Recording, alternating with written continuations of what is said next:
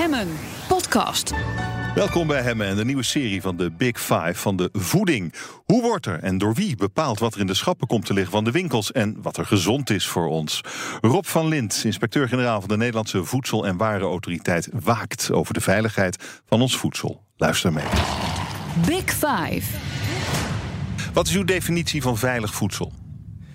Veilig voedsel is voor ons uh, voedsel wat voldoet aan alle regels die door de Europese Unie of de Tweede Kamer zijn gesteld. Uh, die bepalen uh, wat er in de wet staat. En wij zien erop toe dat bedrijven zich houden aan die regels. En wat daaronder zit is dat het veilig is, dat je er niet ziek van wordt. Toch? Exact, exact. en hoe vaak vindt u onveilig voedsel?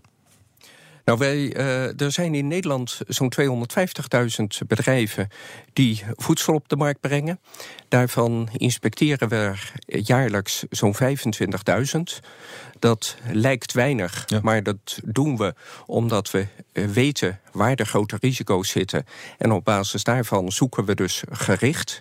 En bij die 25.000 bedrijven uh, treffen we in een aantal gevallen zaken aan die niet op orde zijn. En dat kunnen kleine dingen zijn, maar dat kunnen ook grotere dingen zijn. En daar nemen we dan maatregelen om te zorgen dat er veilig voedsel op de markt komt en onveilig voedsel daar vanaf gehaald wordt. Ja, en hoe vaak is het echt goor? Nou ja, goor is, is een heel uh, relatief begrip natuurlijk. nou, um, maar, maar, maar laat, ik, laat ik zo zeggen, onze inspecteurs die uh, uh, restaurants, kleine horeca-inrichtingen inspecteren, die komen soms heel vieze dingen tegen. En dat zie je dan niet direct in het zaakje waar je aan een tafeltje gaat zitten en een bord en een mes en een vork voor je krijgt. Maar als onze inspecteurs dan in de, in de keuken komen, dan treffen ze soms heel vieze dingen aan. En uh, nou, daar worden dan ook direct maatregelen genomen. Hm. En wat vindt u heel vies?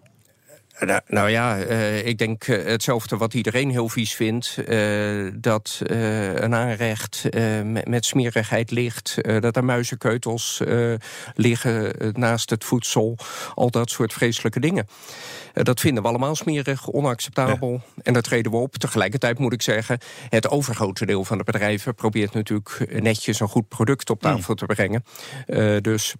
Uh, het, de, wij kijken natuurlijk met name om ervoor te zorgen dat we veilig voedsel kunnen garanderen, dat dat op de markt is. Maar heel veel bedrijven doen hun uiterste best om dat inderdaad goed te doen. Ja, de meesten doen het goed. U controleert er van de 250.000, 25.000. En van die uh, 25.000, hoe vaak uh, gaat het dan fout? Uh, nou, dat, dat uh, hangt heel erg af van uh, waar je naar kijkt.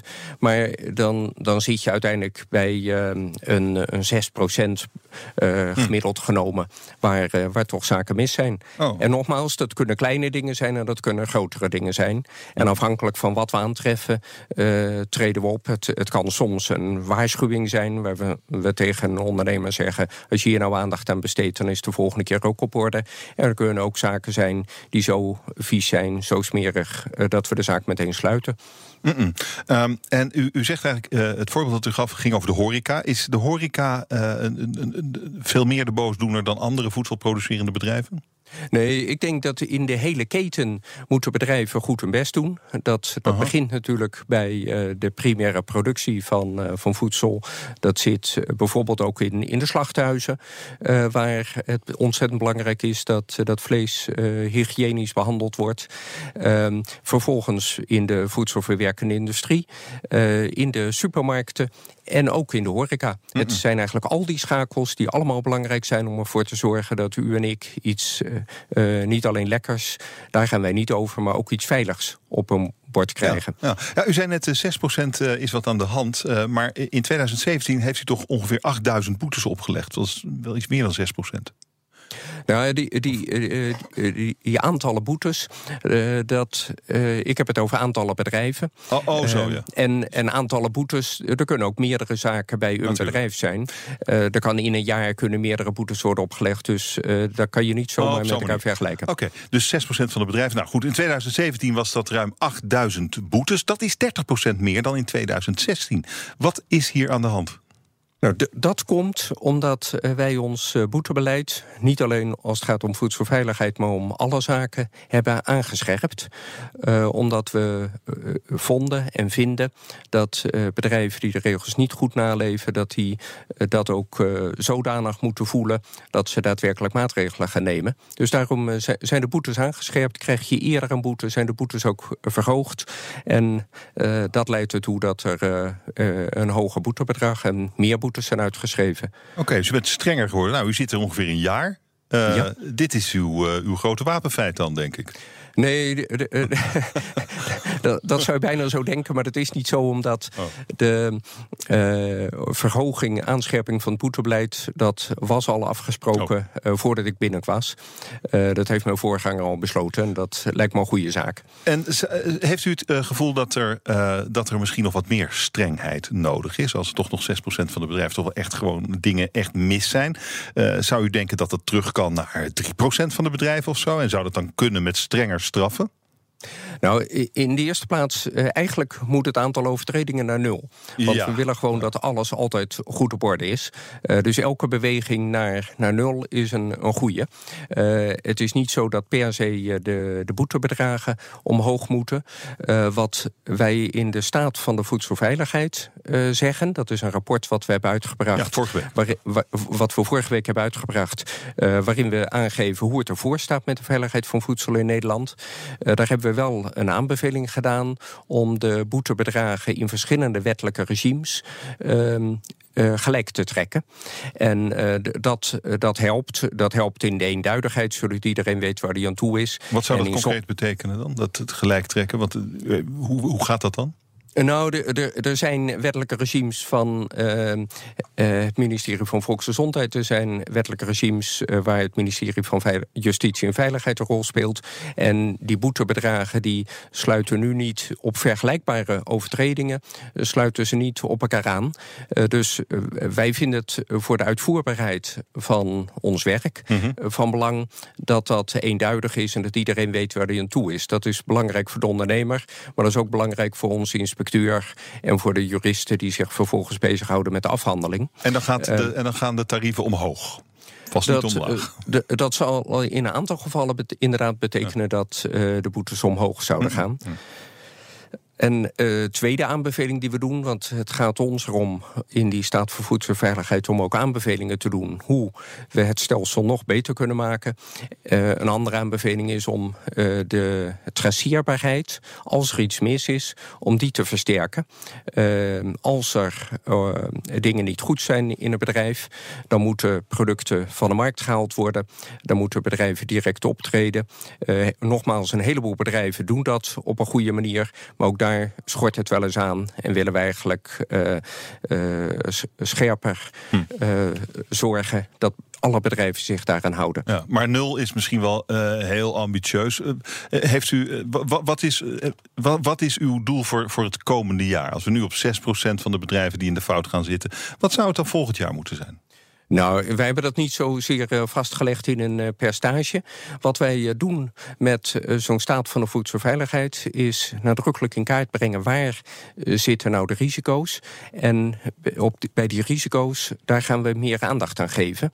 En mhm. een van de nieuwe risico's is de circulaire economie. Het meer hergebruiken van, van producten. Dat is op zich natuurlijk ontzettend goed. Dat, dat willen we allemaal met elkaar. Dat is van belang voor het behoud van deze aarde en tegelijkertijd zie je dat er ook weer risico's mee ontstaan, omdat eh, er makkelijker uh, gesjoemeld kan worden makkelijker. Uh, bijvoorbeeld uh, een verpakking die je wil hergebruiken, daar zit al inkt in. En uh, als je die gaat hergebruiken, loop je het risico dat die inkt uiteindelijk in voedsel terechtkomt. Dat willen we niet. En doordat wij dit soort risico's in kaart brengen, gaan we daar de komende tijd verder op letten mm -mm. om ook die risico's weer terug te dringen. vorige week verscheen dat rapport over voedselveiligheid. U had het ja. al over. En daaruit blijkt eigenlijk vooral goed nieuws. Het voedsel is veiliger dan een paar jaar geleden. En ons vertrouwen, ons, de consument, uh, is in, in, voedselveiligheid is gestegen. Ja. Hoe, hoe zou dat komen? Nou, de, um, nou, wat je ziet is dat het, de, het, vertrouwen van de consument in voedsel is in het algemeen op een redelijk hoog peil. Um, wat we in de jaren 2013, 2014, 2015 gezien hebben, is dat dat uh, wat naar beneden zakte onder invloed van een paar grote schandalen die er toen waren, zoals de paardenvleesaffaire, uh, zalmverontreiniging en dat soort zaken. En je, daar zijn natuurlijk maatregelen tegen genomen. Uh, de NVWA, de Nederlandse Voedsel- en Warenautoriteit, heeft daar ook haar toezicht op verscherpt. En nu zie je dat, dat ze vruchten afwerpt en dat uh, het vertrouwen van de consument weer uh, wat is gestegen. En dat is volgens mij een heel belangrijk en positieve conclusie. Meneer Van Lint, u was vorig jaar uh, krap een maandje begonnen als inspecteur-generaal. U ging eventjes met vakantie en toen zei uw plaatsvervanger, Freek van Zoeren, dit in nieuws. Dus in het weekend pas weer een eitje op uw bord? Uh, daar kan iemand uh, voor kiezen. Uh, ja, de consument moet nu het doen met de informatie die ik kan geven. en als iemand zegt, nou, ik kan zonder een ei te eten, kan ik leven tot zondag, zou ik dat ja, want aanraden. We weten wat onveilig is en ja. niet wat veilig is. Nee. Ja, meneer, uh, meneer Van Lint, hier zegt uw plaatsvervanger uh, destijds van eet maar even geen eieren. Dat was natuurlijk vrij uh, dramatisch op dat moment, vooral voor de hele industrie. Hoe kijkt u hierop terug op dit moment? Nou, op uh, de affaire met fipronil was sowieso natuurlijk een dramatische situatie. Want dat heeft een enorme economische impact gehad, maar ook emotionele impact op uh, de met name pluimveehouders die daardoor getroffen zijn. Er zijn velen uh, die daar ontzettend hard aan gewerkt hebben om de situatie zo snel mogelijk weer op te lossen. Is nog steeds zijn er een aantal bedrijven die nog geblokkeerd zijn en nog steeds last hebben van dat verboden middel. Ja. dus was sowieso een heel ernstig zaak. Maar wat uh, de toenmalige minister van Volksgezondheid... en de toenmalige staatssecretaris van Landbouw besloten hebben... is een commissie in te stellen onder leiding van mevrouw Zorgdrager. En die is uh, de hele zaak aan het uh, analyseren en onderzoeken. Komt heel binnenkort met haar rapport. Dus dat wil ik graag even afwachten. Hmm, hmm. Um, weet u ook wanneer precies het komt? Uh, dat weet ik niet oh. precies, maar uh, ik ga ervan uit dat dat voor de zomer uh, beschikbaar komt. Oh. En nou ja, goed, dat wacht dan even af. Fipronil kwam ook dit weekend weer in het nieuws. Want in Duitsland zijn Nederlandse eieren gevonden met sporen van fipronil. Hoe is dat nou mogelijk? Nou, dat sluit aan bij onze eigen bevindingen. Uh, wij monitoren nog steeds, we doen nog steeds metingen bij eieren, juist om de veiligheid van voedsel uh, te waarborgen. En wij treffen heel sporadisch ook nog wel eens uh, sporen in Nederlandse eieren aan. Dan wordt er direct contact opgenomen met de leverancier en die zorgt dat die eieren van de markt afgaan. En dat is hetzelfde wat zal gebeuren in, in Duitsland. daar heeft onze Duitse collega-dienst nog in een enkel geval sporen aangetroffen. En dat, dat mag gewoon niet, want het is een verboden middel, hoort niet in voedsel te zitten. Dus daar uh, treedt de zusterdienst dan tegenop. Ja, maar uh, de, de vraag is hoe kan het dat het erin zit? Dat betekent dat er toch nog iemand met dat middel tegen bloedluis aan het werk is, ergens in kippenstallen. Nee, nee, nee. De, dat hoeft absoluut niet het oh. geval te zijn. Uh, ik zei net al, er zijn een aantal bedrijven, uh, pluimveehouders... die nog steeds last hebben van fipronil in hun stallen. Uh, en ehm, dit blijkt een buitengewoon hardnekkig middel te zijn... en daardoor kan het zijn dat eh, er nog hele kleine hoeveelheden... toch nog ergens beschikbaar komen. Maar nogmaals, wij kijken daar continu naar. En als we dat aantreffen, dan zorgen we dat er maatregelen genomen worden. In die fipronil-affaire uh, reageerde u nou, misschien niet altijd even adequaat. Uh, misschien ook wat te, te langzaam. Dat zal allemaal uit dat rapport blijken. Maar ik wil met u even praten over kweekvlees... waar u misschien wel heel snel reageerde. U verhinderde een proeverij van kweekvlees. Waarom was dat? Nou, heel simpel, omdat wij toezien op de naleving van regels. En uh, kweekvlees is ook weer zo'n nieuwe ontwikkeling... Uh, die je om allerlei redenen zou kunnen toejuichen. Uh, maar wat wij moeten doen als Nederlandse Voedsel- en Warenautoriteit... is om erop toe te zien dat de regels worden nageleefd. Hm. En kweekvlees is nog niet goedgekeurd. Dus toen we dat aantroffen, hebben onze inspecteurs het juiste gedaan... wat ze op dat moment deden, namelijk zorgen dat dat niet uh, in het consumptie kanaal terecht kwam. Maar een proeverijtje, gewoon proeverijtje was het, meneer Van Lin. Ja, maar het is toch een, eh, een voedselproduct op de markt brengen. Ah. En dat, dat mag niet volgens de Europese regels. En daarom is het belangrijk dat de bedrijf die dat wil... Uh, dat die zo snel mogelijk uh, goedkeuring gaat aanvragen. En zodra die goedkeuring verleend is door de Europese Commissie... zullen wij daar uiteraard rekening mee houden. En dat product ook geen stroopreet in de weg leggen... als het voldoet aan de regels. Ja, het is wel, het is wel heel strak. U zit heel strak in de regels. Nou, ik denk dat de consument daar juist ook belang bij heeft. Uh, want de consument wil veilig voedsel, wil lekker voedsel, daar gaan wij niet over. Maar wil ook veilig voedsel, en daar gaan wij wel over. En daarom uh, is het in het belang juist van de consument... dat wij de regels inderdaad uh, strak hmm. naleven. Ehm, en dat, dat doen we. On on, uh, ongeacht wie het is of wat het is. Um, u had het net ook over nieuwe ontwikkelingen. Of nieuw, de circulaire economie is er natuurlijk wel een tijdje in, uh, in opkomst. Uh, ja. da daar zitten ook bedreigingen in. in dat rapport wat u vorige week presenteerde... Ja. ging het voor een deel ook over biologisch voedsel...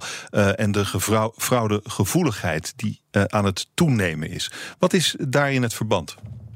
Nou, wat we uh, sowieso zien is dat in uh, voedselindustrie zijn er natuurlijk uh, mogelijkheden om fraude te plegen. dat hoeft lang niet altijd te gaan over voedselveiligheid, maar kan ook gaan over verkoop je inderdaad datgene wat je zegt te verkopen. En ehm, ook daar is de consument zeer bij gebaat dat ze weet wat ze koopt. Als je biologisch voedsel wil kopen, dan wil je ook echt dat dat biologisch voedsel is. En niet dat er alleen op de etiket staat dat het biologisch is en in de praktijk uh, niet biologisch. Uh, hetzelfde geldt voor etikettering van allergische stoffen. Als je allergisch bent voor iets, dan wil je dat dat goed staat op het etiket en dat dat ook inderdaad uh, vrij is van die stoffen waar jij allergie voor kan hebben. Dus dat soort fraudes, die houden we ook nadrukkelijk in de gaten. En dat is volgens mij ontzettend belangrijk uh, voor, uh, voor consumenten. En, en, ziet, u daar, uh, ziet u daar risico's in het biologisch voedsel? ziet u overtredingen?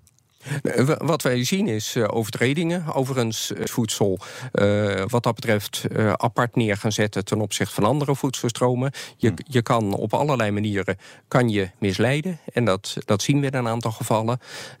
nogmaals, het overgrote deel is gewoon goed. En daarom spreken wij van veilig voedsel in Nederland.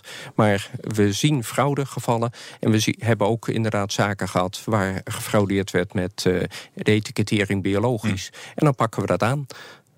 Het, uh, uh, het, het, probleem is misschien ook wel een beetje bij uw NVWA dat er een enorm breed takenpakket is. Wij hebben het nu over voedsel, uh, maar u, u, doet nog veel meer. Het is niet alleen de slachthuizen controleren, de, de horeca, maar u, u bekommert zich ook over om tele, telefoonopladers en zelfs de tijgermug, uh, daar, kan, uh, daar kan rekenen op uw belangstelling. En met dat allemaal met ongeveer 2500 man. Dat zijn er duizend minder dan in 2005. Uh, terwijl het werk niet minder is geworden, denk ik eerder meer. Is het wel te doen met 2500 man? Nou, eh, we hebben inderdaad uh, een breed takenpakket. Dierenwelzijn, voedselveiligheid, veiligheid voor consumentenproducten. We doen dat met ruim 2500 mensen, waarmee we wel de grootste Rijksinspectie zijn. Ehm, maar het is stevig hard werken voor ons en daarom ben ik ook heel blij dat in het regeerakkoord extra geld is uitgetrokken eh, ter versterking van de NVWA. Ehm, nou, daar zal binnenkort eh, zullen daar besluiten over genomen worden hoe dat precies in te zetten. Uh, maar dat is, denk, dat is een stap die ons ook nog weer wat extra lucht geeft om te zorgen dat we al die taken goed kunnen uitvoeren. Hoeveel meer mensen zijn dat? Um, nou, dat, dat hangt af van hoe we het precies verdelen. En dat is nu nog even onderwerp van uh, politieke besluitvorming. Maar het is denk de, de 20 miljoen structureel die aan de NVWA-begroting in deze regeerperiode zal worden toegevoegd, is een, uh, een mooie stap. Maar hoeveel mensen zijn het ongeveer? Kunt u dat een beetje de bandbreedte aangeven? Nou, uh, heel simpel uitgerekend. 20 miljoen gaat om een, een, een kleine 200 mensen. Oké, dus daar kunnen we wel een beetje op rekenen dan. Maar daar staat tegenover dat de NVWA ook nog uh, wat moest krimpen... ten gevolge van uh, oh ja. vroegere taakstellingen. Maar nogmaals, het is een, een goede investering in uh, dierenwelzijn en voedselveiligheid. En geeft ons als organisatie een stukje meer lucht.